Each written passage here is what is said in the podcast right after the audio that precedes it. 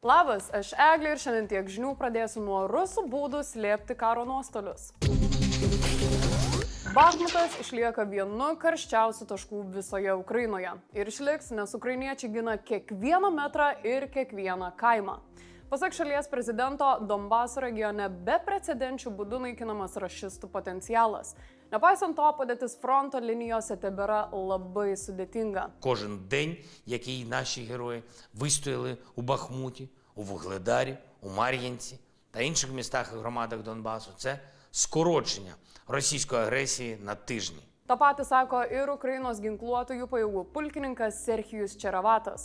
Mūšiuose dėl Bakhmuto Ukraina efektyviai naikina geriausias priešo pajėgas. Net jei ukrainiečiams tektų pastraukti, rusai neturi galimybių ir išteklių prasiveršti į Slavenską ir Kramatorską. Galvažodžių Wagner savininkas Prigožinas pripažįsta, kad Bakhmute sulaukė didesnio pasipriešinimo nei tikėjosi. Patyrė beveik 140 tūkstančių kareivių netekti svetimoje žemėje, rusai panašu nebeturi karstų.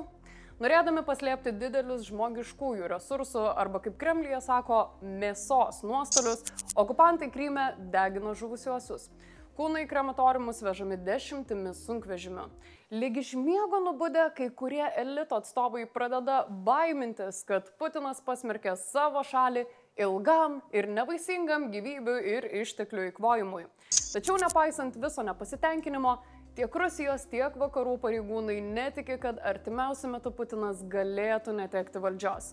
Vienas aukšto rango vakarų diplomatas sako, kad jis liks valdžioje iki galo, nebent mirtų arba įvyktų perversmas. Bėda, kad nei viena, nei kita dabar netrodo tikėtina. O iš desperacijos Kremlius jau metė į Ukrainą beveik visas savo pajėgas. Pasak Didžiosios Britanijos gynybos sekretoriaus Beno Wallace, Ukrainoje šiuo metu yra apie 97 procentai orkų kariuomenės. Gali būti, kad artimiausiu metu prisidės ir likusieji 3 procentai, nes vakarų žvalgyba praneša, jog Rusija prie Ukrainos sienos kaupia lėktuvus ir sraigtasparnius, taip ketindama paremti įstrigusi ant žeminių puolimą. Terorusų užsienio reikalų ministras Lavrovas pareiškė, kad vakarai pavertė Ukrainą rusofobiškų karinių prieglapšių, pasiekė tašką, iš kurio nėra kelio atgal. O Rusijos užsienio politikos ateitis - nutraukti vakarų dominavimą tarptautinėme gyvenime. Na čia kaip pažiūrėsi į tą kelią atgal. Yra vienas kelias - nustoti pulti Ukrainą, atsigulti ant žemės, sudėjus rankas už galvos ir laukti antrankių. Kadangi kacapai nesugeba pakovoti ginklais, tai kovoja ideologiškai. Nuo karo pradžios į 43 stovyklas Rusijoje buvo išvežta apie 6 tūkstančius vaikų, kai kurie jų vos 4 mėnesių. Stovyklose jie auklėjami prorusiškai, patriotiškai ir kariškai. Tokiu būdu teroristinė valstybė pažeidžia ketvirtąją Ženevos konvenciją dėl elgesio su civiliais karo metu. ES užsienio politikos vyriausias įsigaliotinis Jozepas Barelis yra įsitikinęs, kad artimiausiu metu bus nulemta, kas laimės karą, todėl paragino ES narės didinti karinę pagalbą. Didinkim ir mes. Remkime Ukrainą prisidėdami prie radaro. Ir tada dar daugiau Krymo krematoriumų turės ką veikti. Seimo nacionalinio saugumo ir gynybos komitetui pristatyta statistika, kiek Lietuva prekiauja su teroristinė valstybė Rusija. Naujienos nelabai malonios. Pasirodo, nors eksporto į fašistinę šalį kiekiai sumažėjo, tačiau visiškai nutraukti priekybinių ryšių verslas neketina. Yra vis dar 200 įmonių, kurios vykdo priekybą su Rusija. Nors jos nėra sankcionuotos ir pati priekyba galima, bet kaip sako komiteto vadovas Laurinas Kaščiūnas, kyla klausimas dėl moralumo. Įdomus dalykas, Lietuvos tiesioginis eksportas sumažėjo 35 procentais, tačiau išaugo į aplinkinę šalis. Ir ne šiaip išaugo, bet šovė į viršų penkis kartus. Tai rodo, kad verslininkai rado legalius būdus apeiti sankcijas ir prekiauti su Rusija per kaimynus. Be to, nuo 200 procentų augo Lietuvos eksportas į traktorių princo fiktyviai valdomą Baltarusiją. Nuo karo pradžios eksportas siekia net 173 milijonus eurų. Tokiais skaičiais mes pirmaujame visoje Sąjungoje. Tiesa, svarbu paminėti, kad tik Švedija ir Malta nepadidino savo eksporto po karo, todėl čia ne tik Lietuvos, bet ir visos Europos problema. Norit įdomių faktų? Daugiausiai Lietuva eksportuoja naudotų automobilių. Į Sakartvelą kažkodėl pradėjome eksportuoti duomenų apdarojimo mašinas, o pavyzdžiui, Čekija į Kazakstaną pradėjo eksportuoti telefonus. Taigi klausimą, ką daryti, Kaščiūnas turi vieną pasiūlymą, kuris jau buvo nuskambėjęs - viešinti su Rusija ir Baltarusija priekiaujančių įmonių sąrašus. Aš tai būčiau ir už įmonių vadovų bei savininkų viešą registrą su nuotraukomis. Rytas prasidėjo ekonomikos ir inovacijų ministras džiaugsmingais šūksniais Facebook'e apie trečiąjį vienaragį Lietuvoje.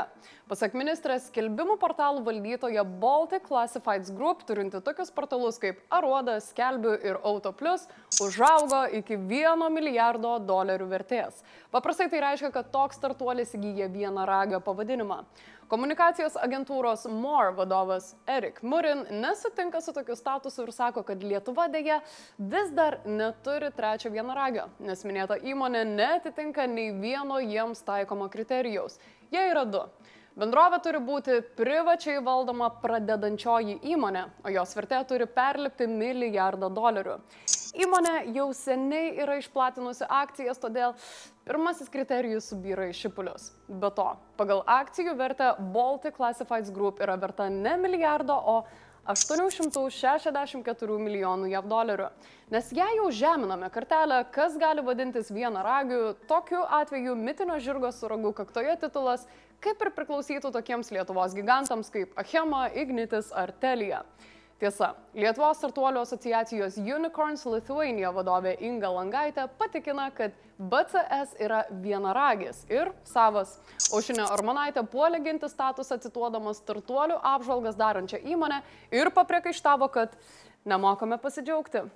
Kitas komunikacijos ekspertas Mykolas Katkus rado informaciją, kad vienaragio statusą įmonė gavo jau seniai, prieš metus.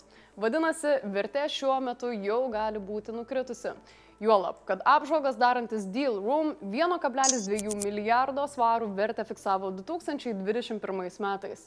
Kaip manote jūs? Ar čia vienaragis, ar tiesiog noras pasipiarinti? Ir parašykite komentaruose, ar Maksimo yra vienaragis. Blitz naujienos.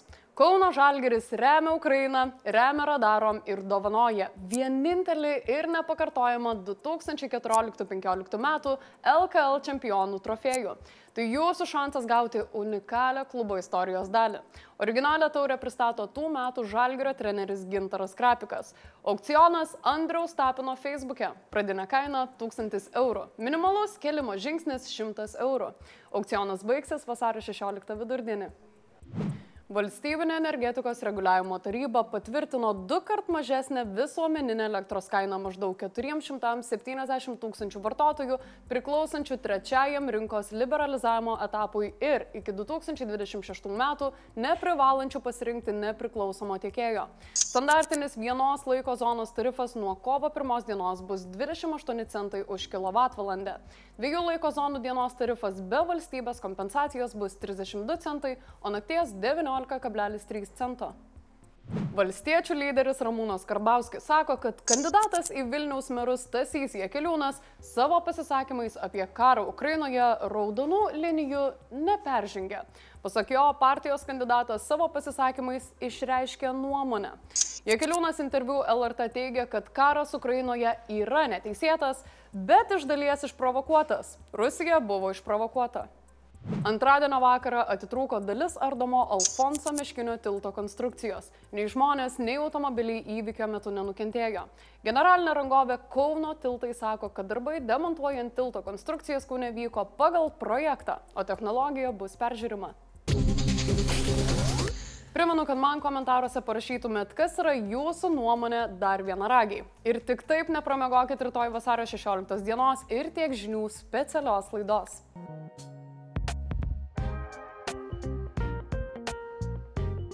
Komentarų metas.